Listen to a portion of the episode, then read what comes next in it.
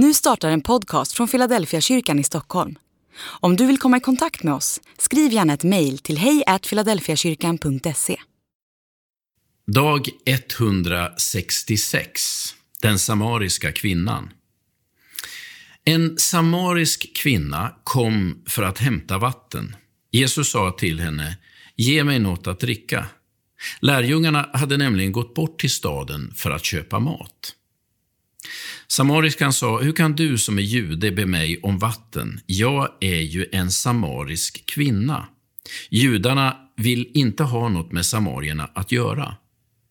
Jesus svarade henne, om du visste vad Gud har att ge och vem det är som säger dig, ge mig något att dricka, då skulle du ha bett honom och han skulle ha gett dig levande vatten. Kvinnan sa, Herre, du har inget att hämta upp det med och, och brunnen är djup. Varifrån tar du då det levande vattnet? Skulle du vara större än vår fader Jakob som gav oss brunnen och själv drack ur den, liksom hans söner och hans boskap? Jesus svarade, den som dricker av det här vattnet blir törstig igen, men den som dricker av det vatten jag ger honom blir aldrig mer törstig. Det vatten jag ger blir en källa i honom, ett flöde som ger evigt liv. Kvinnan sa till honom, Herre, ge mig det vattnet så att jag aldrig blir törstig och behöver gå hit efter vatten. Jesus sa, gå och hämta din man. Kvinnan svarade, jag har ingen man.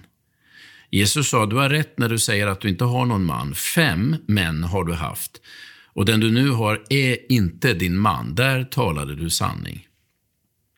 Kvinnan sa, Herre, jag ser att du är en profet.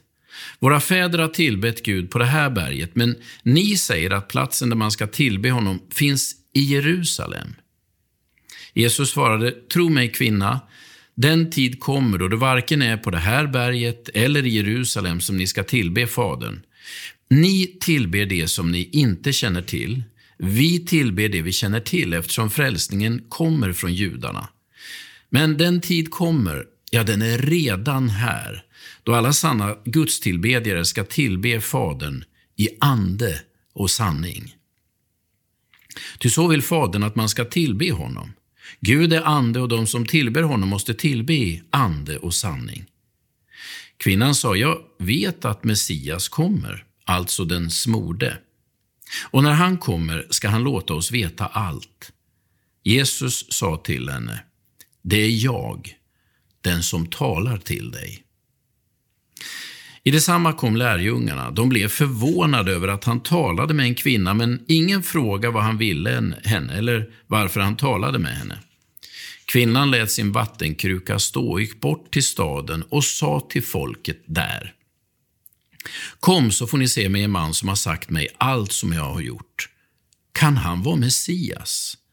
De gick ut ur staden för att söka upp honom.